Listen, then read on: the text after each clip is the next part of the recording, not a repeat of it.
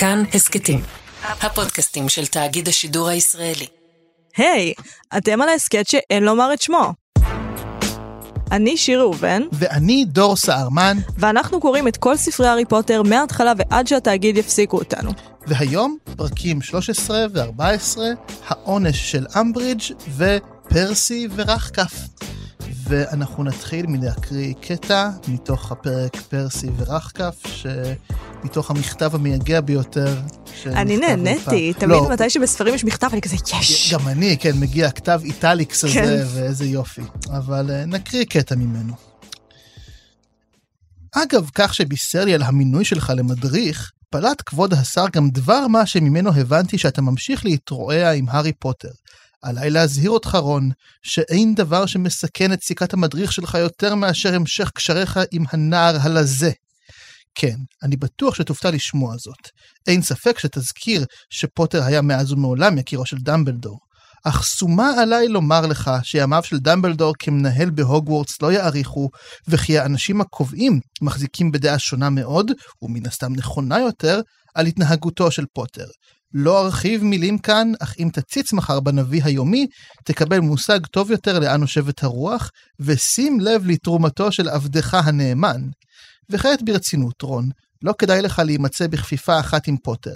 זה עלול להזיק מאוד לסיכוייך בעתיד, ואני מדבר כאן גם על החיים שלך מחוץ לבית הספר. כפי שוודאי ידוע לך, שהרי אבינו הוא שליווה אותו לבית המשפט, הקיץ נערך לפוטר שימוע משמעתי בפני הרכב מלא של קסם הדרין, והוא לא יצא ממנו באור חיובי במיוחד. אם תשאל אותי, הוא זוכה בשל פרט טכני שולי בלבד, ורבים מהאנשים ששוחחתי איתם עוד משוכנעים שהוא אשם. כן, תראה. בן אדם, אה, אני אוהבת את פרסי, לא בגלל המכתב, אני אוהבת אותו. כדמות. לא, כדמות, הוא דמות שכתובה מעולה, ואני חושב ש... אפילו בחירת המילים במכתב הזה, כן. שהוא כותב את זה בשפה מליצית מעצבנת, הנער הלזה, כן. מה עוד הוא אמר שם? שומה עליך. וואו. אני אח שלך, אני שמעתי אותך מפליץ, אתה יכול להוריד את השומה עליך. אנחנו, האמת שזה, כלומר, אנחנו נדון במכתב הזה של פרסי ובמשמעויות שיותר בהמשך כן, של כן, הפרק. כן, בוא נתחיל עם ההתחלה. אבל, לא, אבל, אבל זה חשוב דווקא, אני, אני התחלתי מהמכתב דווקא כי יש משהו, כלומר, כיף לקרוא את זה, אבל יש משהו ממש מייגע ונוראי במכתב הזה, וזה הכניס אותי לתוך בכלל האווירה של הפרקים האלה. שני הפרקים האלה הם פרקים מאוד נמתחים, מאוד לא נעימים לקריאה. אני שמתי לב בפרקים האלה, בדיוק באותם פרקים למעשה, שהארי מציין שהוא מאוד מתגעגע להגריד. עכשיו, מה שמשך את uh, תשומת ליבי לשם זה שהגריד היה עד עכשיו דמות שולית, והרבה פעמים הארי, רון והרמיוני היו צריכים uh, בעצמם לדאוג לו בצורה שדי הכבידה עליהם. כאילו, מתואר כמו סוג של ילד מבוגר שהחיבור אליהם מגיע אולי מהמקום היותר ילדי שלו, uh, אבל הארי כל הזמן שואל איפה הוא, מה איתו, מה איתו, וזה לא שהגריד עד עכשיו, אם אנחנו נסתכל uh, על הספר, על הספרים הקודמים, היה כל כך דומיננטי בעלילה. כן, בעיקר. הוא היה צץ פה ושם אתנחתה קומית לפעמים, או מישהו שצריך לקדם את העלילה עם לספר משהו שהוא לא אמור לספר. אה, ואני חושבת שהגעגוע הזה להגריד, שמתבטא אפילו בזה שהארי טוען שהוא מורה טוב יותר לטיפול בחיות פלא, שכולם מבינים שזה פשוט לא נכון. וגם הוא מבין, לכן. כן. אה, זה בעצם בגלל שהארי מתגעגע בדיוק למה שהגריד אה, מספק לו, ו... אין לו משום מקום, שזה פשוט אהבה פשוטה, איזושהי דלת פתוחה של אתה מוזמן לפה, אני אהיה בצד שלך, יוגשו לך עוגיות מגעילות, אבל מכל הלב, ו, ומישהו יהיה באמת איתך, מישהו יעטוף אותך באהבה הזאת של הכל בסדר, אני איתך. וזה בדיוק מה שהוא לא מקבל פה אה, בשום צורה מאף אחד. אני חושבת שאולי בגלל זה אפילו אה, רולינג סימנה את אה, רון והרמיוני כמדריכים ואותו לא, כדי ליצור איזושהי מחיצה ביניהם. אה, בגלל שלהארי באמת אין פה אף אחד שנמצא נמצא איתו באמת כמו שהוא רוצה, ואולי גם על זה התסכול אה, מרון והרמיוני. עכשיו, סביר להניח שהגריד לא באמת היה מאפשר לו את הדבר הזה, כי הגריד אנחנו מכירים היטב את מגבלותיו. אבל עצם הכמיהה הזה לדבר שלא קיים, אה, תופסת את הצורה של הגריד בפרקים האלה, ואני חושבת שהגעגוע של הגריד מעיד יותר מהכל על עומק המצוקה של הארי. אני רוצה להגיע מכאן לנקודה הבאה המאוד מרכזית בפרקים האלה, שהיא כמובן אה, אמברידג'. איזה בן אדם. שהיא באמת נוראית. עכשיו, משהו שתפס פה מאוד מאוד את תשומת ליבי. זה uh, שהיא אומרת, כלומר, הארי מגיע אליה, אגב, גם בשיא השפל הנוראי, ומבקש ממנה שתוותר לו על אחד מימי העונש, לטובת כן. אימוני הקווידיץ', וזה באמת, אתה- אתה אומר, כמה עוד אפשר לרסק כבוד עצמי של בן אדם? כאילו, זה נורא. ואז היא, היא עונה לו בהנאה גלויה, שלא, וזה ילמד אותך כי אתה אדם שמונע מרוע לב, רשעות ורדיפת פרסום.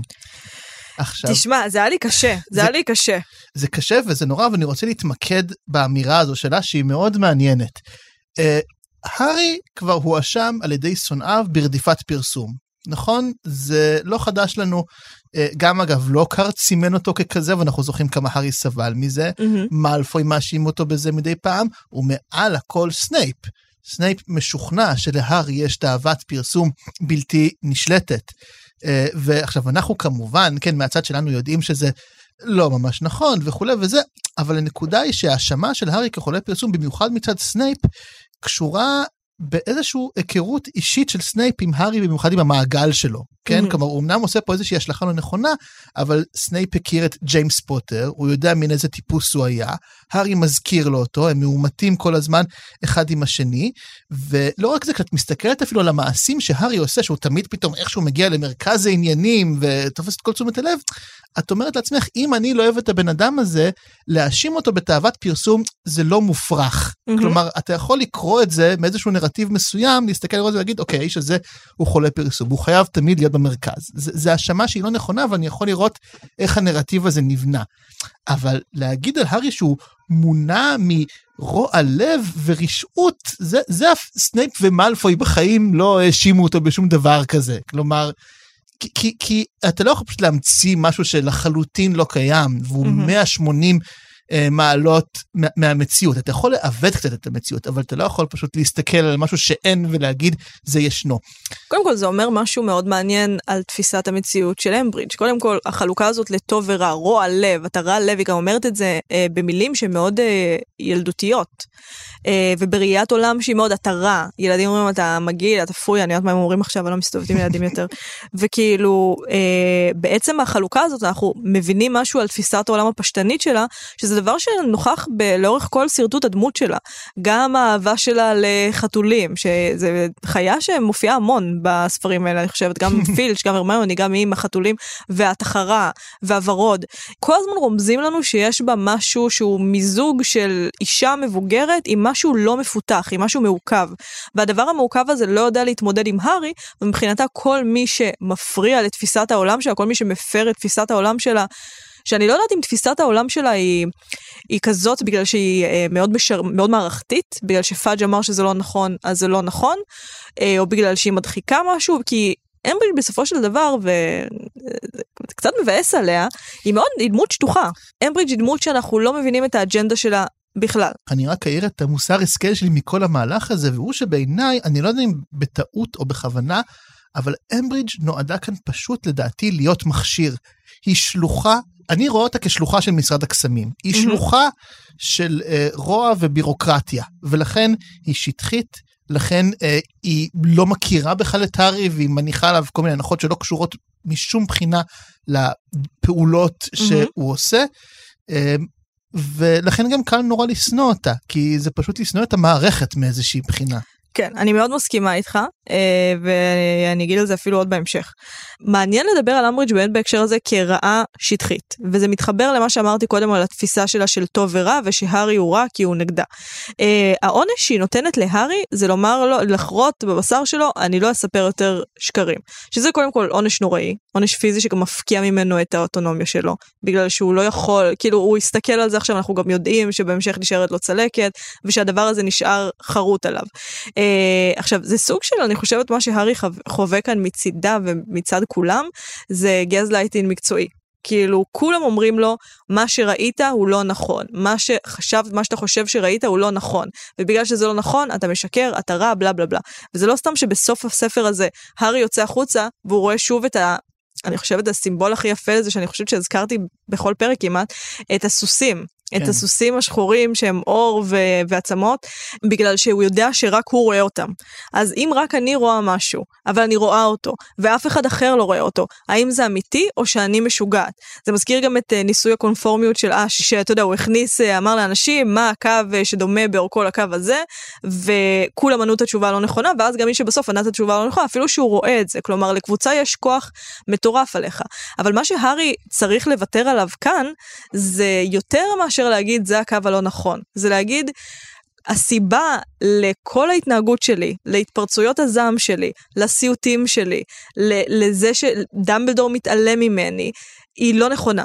זה באמת לשמוט חלק מהאישיות שלו שהוא לא מסוגל לשמוט.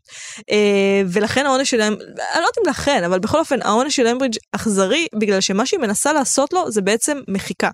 עכשיו, היא מוחקת את זה כמובן כי היא לא יודעת להתמודד עם זה, ובגלל שכמו שאמרת היא דמות מאוד מאוד שטוחה, והיא נציגה של בירוקרטיה, ובאופן כללי בספר הזה, אני כל הזמן מנסה אה, לפענח למה הוא, למה הוא שנוא.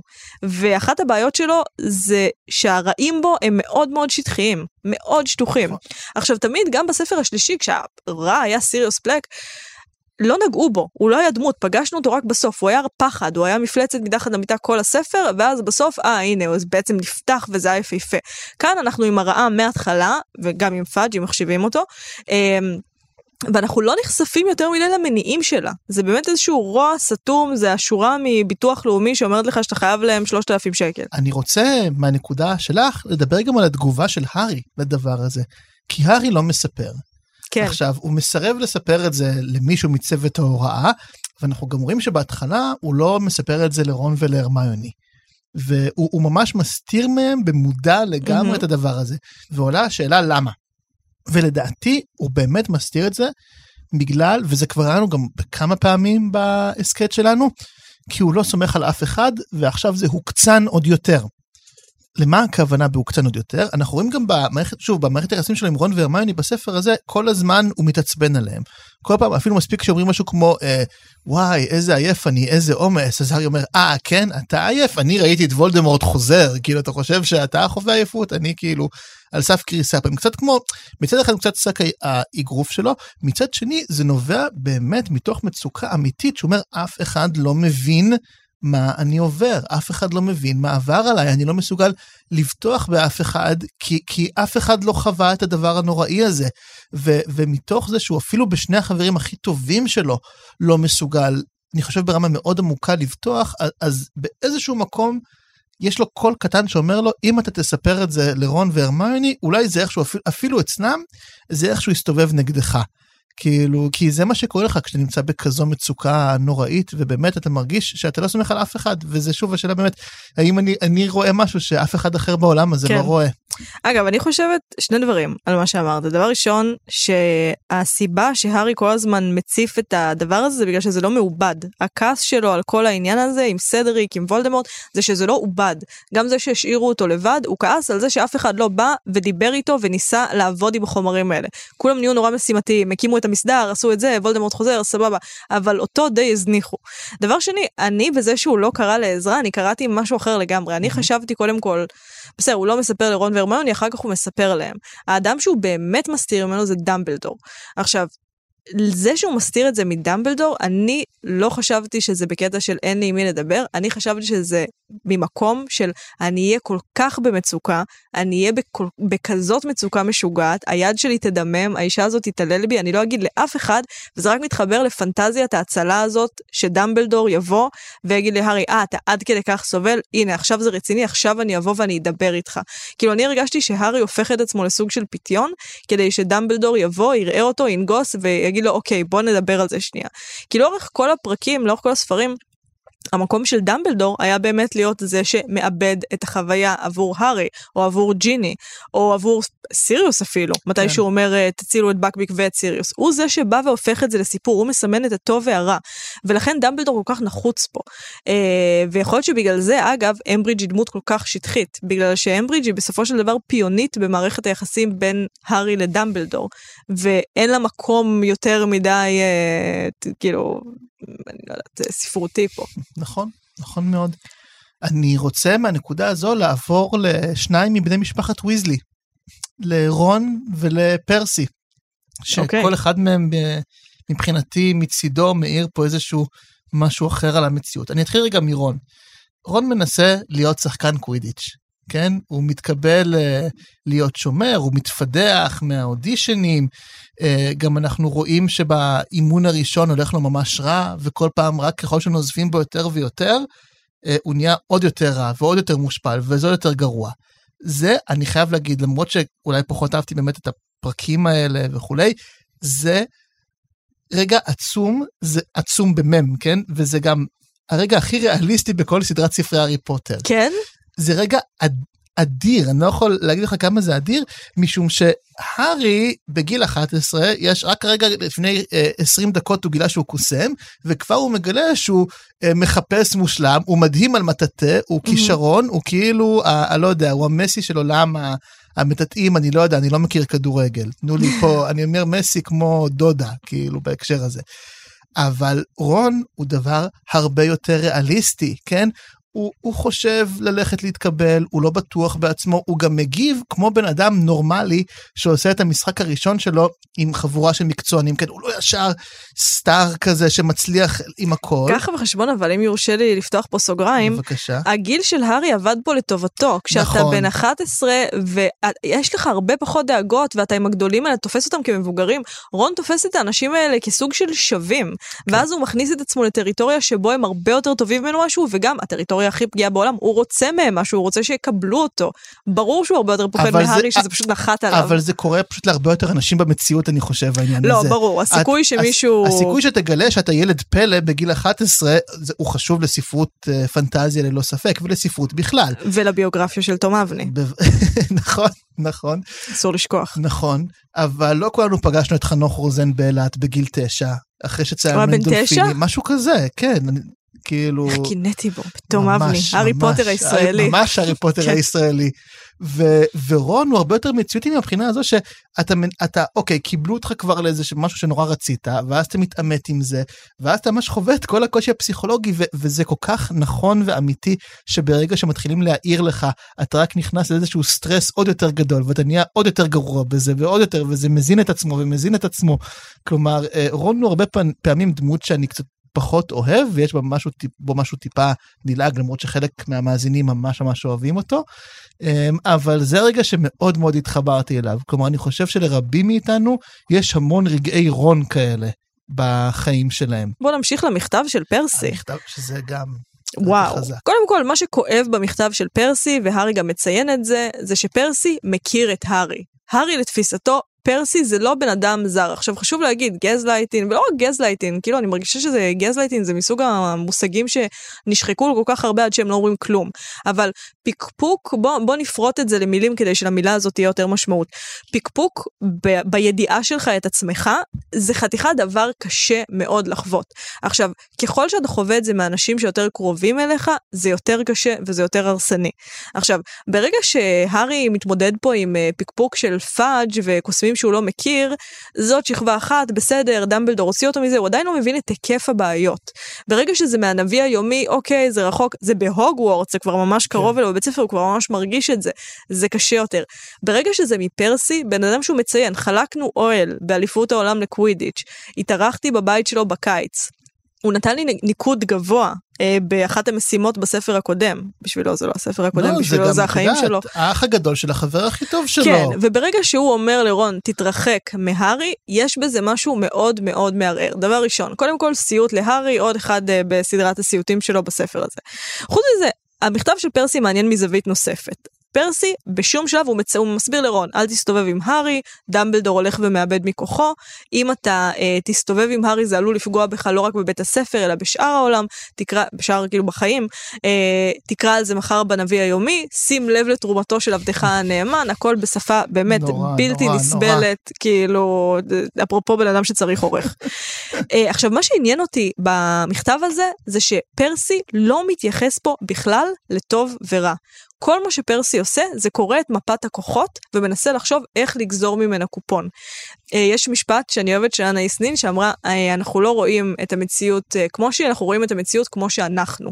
ופרסי פה מספק הצצה ממש מגעילה, I must say, למרות שכדמות אני מתה עליו, לתפיסת העולם שלו. הוא אומר, טוב ורע זה לא משנה. בית הקלפים של ושקר- פרסי ויזלי. כן, זה לא משנה. כל מה שמשנה זה איך להתקדם. מאוד דומה, אגב, לתפיסת העולם של וולדמורט, צריך לומר. וולדמורט אולי היה משתמש במילה כוח, שזאת כן. מילה טיפה אחרת, אבל כל מה שמשנה פה זה להתקדם. עכשיו, מה שבאמת נוגע ללב במכתב הזה, זה שאני מאמינה לפרסי, וזה באמת השוני בינו לבין וולדמורט, שהוא אוהב את רון. כן. הוא אוהב את רון, הוא דואג לרון, הוא אומר לו, אני רוצה שתהיה בצד שלי של המשפחה, כי אני מאמין שככה צריך לחיות. אם, הוא, אם לא אכפת לו מרון, אין שום סיבה אה, שהוא, שהוא היה שולח את המכתב הזה. כאילו שרון יסתובב עם הארי, למי אכפת? אבל באמת אכפת לו כאן. אבל ככה הוא רואה את העולם. הוא רואה את העולם בצורה של, זה מארג הכוחות, אני רוצה להגיע לשם, אז אני צריך שפה ופה ופה יפנו לי את הדרך. אה, ואפרופו שחיתות שלטונית, מאוד, אה, מאוד קשה לשמוע שזו הפקידות. ב- זה אכן קשה. במשרד הקסמים. אני אגע בעוד נקודה אחת רק בנוגע לפרסי נראה לי לפני שנעזוב אותו, ואני קיבלתי פה את התחושה שפרסי הצטרף לכת. אוקיי? ולמה את חושבת שהוא הצטרף לכת? זה לא סתם כי הוא שינה את דעתו, זה תשימי לב שגם יש פה משפט ממש חזק וממש קשה. הוא אומר, ואני מקווה רון, שגם אתה לא תיתן לקשרי המשפחה לסמא את עיניך לנוכח אמונותיהם ומעשיהם השגויים של הורינו. זה באמת משפט קטי. זה משפט קטי בטירוף. כלומר, זה מה, הרי מה שתמיד אנחנו רואים בכל הדוקואים על כתות. וכל, זה מה שהם עושים. הם מנתקים אותך קודם כל מהמשפחה שלך. נכון. כי זה המעגל הראשון שגם יכול לשאוב אותך החוצה, וזה. חייבים לסמן אותם כמי שלא רוצים בטובתך, אחרת הם יגידו לך שלתת את כל הכסף שלך ולמצוץ לבן בדיוק. אדם כל יום, זה כנראה לא הדבר שאתה רוצה לעשות. בדיוק כך, והכת הופכת הרי הרבה פעמים להיות המשפחה החדשה שלך, תמיד כתות מאורגנות במין, במין משהו פסבדו משפחתי כזה, אבל עם איזשהו טוויסט מעוות שמגיע בסוף בדרך כלל איזה שהם גילויי עריות, כן? אה, זה, זה תמיד מגיע לזה בסוף איכשהו. ו... איזה באז, זה קצת מבאס, אתה יודע? זה קצת שתמיד, מבאס שתמיד זו הפואנטה, תמיד בסוף תמיד שם. זה, תמיד זה הרעיון בכזאת, כמעט תמיד. זה מישהו שרוצה את הכסף שלך ואת ואת הגוף שלך, האיברים שלך. כן, ואפילו את האיברים, יותר מאת כן. הגוף, את האיברים. ובאיזשהו מובן זה, זה משרד אני רק הקסמים. חייבת להגיד, הוא רוצה שליטה עליך. סליחה, זה הכל אמצעים של שליטה. נכון, אני חייבת שליטה. לתת את אני, הכוכבית לא, אני הזאת. מסכים, זה תמיד שליטה, וזה בדיוק, אני חושב, מה שקורה פה לפרסי. כלומר, אה, הוא התמסר כולו לכת הזו, שנקראת משרד הקסמים, כי את גם רואה פה שוב איך משרד הקסמים הופך להיות המשפחה החלופית שלו. כן, הוא אומר, שר הקסמים מגלה כלפי יחס אדיב מאין כמוהו, כלומר, פאג' הופך להיות סוג של האבא שלו בסופו של דבר. אמ, ו... וזה נורא לראות את זה, כי ואת רואה פה גם אגב את המהפך הזה, את, את הסוויץ', זה אגב גם משהו שכתות הרבה פעמים אתה זוכר את הסוויץ' הזה במוח, שוב, שממש בן אדם את רואה שאיזשהו בורג נכנס שם פשוט במקום הלא נכון, מהמם. אה, וזה לא הבן אדם שהכרת, כלומר, משהו תקשיב, פה קרה. קודם כל, נקודה מרתקת והשוואה מדהימה, ואני חושבת שמה שהכי אהבתי בהשוואה הזאת, זה שאנשים, אם ראית את הפרק האהוב עליי, בסליחה על השאלה, סליחה על השאלה כתות, ברור, אה, הפרק הכי טוב. הפרק הכי טוב, הם מספרים שמה שמכניס אותם לכת זה איזושהי מצוקה. עכשיו, פרסי מעולם לא, המציאות כמובן היא קצת שונה, אבל אפשר אה, לשרטט את התמונה של האנשים האלה כאנשים שאולי היה להם איזושהי... אולי חסך רגעי, אבל פרסי אנחנו מבינים שזה לא היה חסך רגעי, שהוא באמת היה אאוטסיידר במשפחתו, ולכן הוא תמיד חיפש את הדמות הזאת באנשים אחרים. אה, וברגע שמשרד הקסמים בא והפך להיות המשפחה שלו, ונתן לו את כל מה שהוא צריך, הוא העיף את המשפחה האמיתית שלו לפח, בגלל שהחסך הזה נוצר שם. ואנחנו התייחסנו לזה, אני חושבת, עוד בספר כן, הקודם כן, עם וגם אה, בפרקים קראוץ'. הקודמים, ופשוט פה זה מגיע לאיזשהו שיא נוראי ו... וכואב. נכון. עכשיו, הפרק הזה מסתיים בסיריוס. אין לי כוח, אין לי כוח לבן אדם הזה. אני לא מאמינה שאהבתי אותו בגיל 15. כמה טעויות ילדה אחת יכולה לעשות. אח שלי מאוד אוהב אותו עדיין, כותב, אבל אני חושב שאנחנו, פרק אה, ספיישל סיום העונה זה הדמויות, רוסט על הדמויות בהארי פוטר. אני חושב שהפרק הזה באמת מסתיים בתחושה כואבת, כי אה, הארי וסיריוס כן מדברים וכולי, וזה מסת... מעבר לזה שסיריוס כן מנפק פה איזושהי את האמירה היפה, אני חושב, דווקא של העולם לא מתחלק לאנשים טובים ואוכלי מוות, שזו נכון. אמירה ממש יפה. אה, ורק מישהו שישב על פשע שהוא לא ביצע כנראה 12 שנה באזקבאן יכול להפיק כזאת תובנה יפה למרות הכל. אה, אבל אה, השיחה ביניהם מסתיימת בתחושה קשה של פספוס משני הצדדים.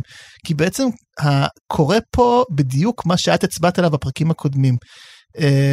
הארי מבקש לראות בסיריוס איזשהו מין סוג של מין תחליף לדמות אב, אבל שהוא גם קצת חבר מגניב, משהו כזה. סיריוס רואה בהארי בתור התחליף של ג'יימס, וזה פשוט מתרסק לשניהם.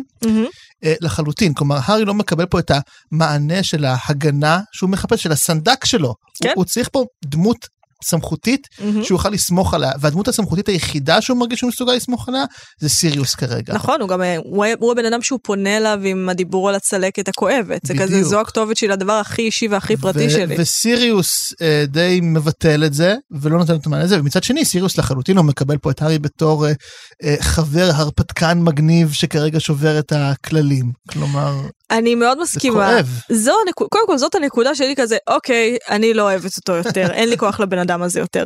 אה, ומה שקרה פה זה שבאמת, קודם כל הוא רוצה לבוא להוגסמיד, ואז הארי והרמיוני אומרים לו, לא, אולי יודעים שזה אתה, כתבו עליך בעיתון שאתה בלונדון, אתה באמת בלונדון. והוא כזה, לא, זה הכל שטויות.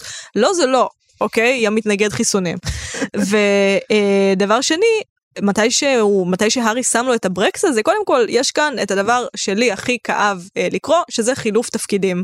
הארי רוצה להיות, רוצה לראות בו דמות סמכותית מיטיבה, דמות של הורה באמת, סנדק, תקרא לזה איך שתרצה, אה, והתפקידים מתהפכים. והארי אומר לו פתאום, לא, אני חייב להציב לך גבול כדי לשמור עליך, תפקיד שהארי מכיר היטב.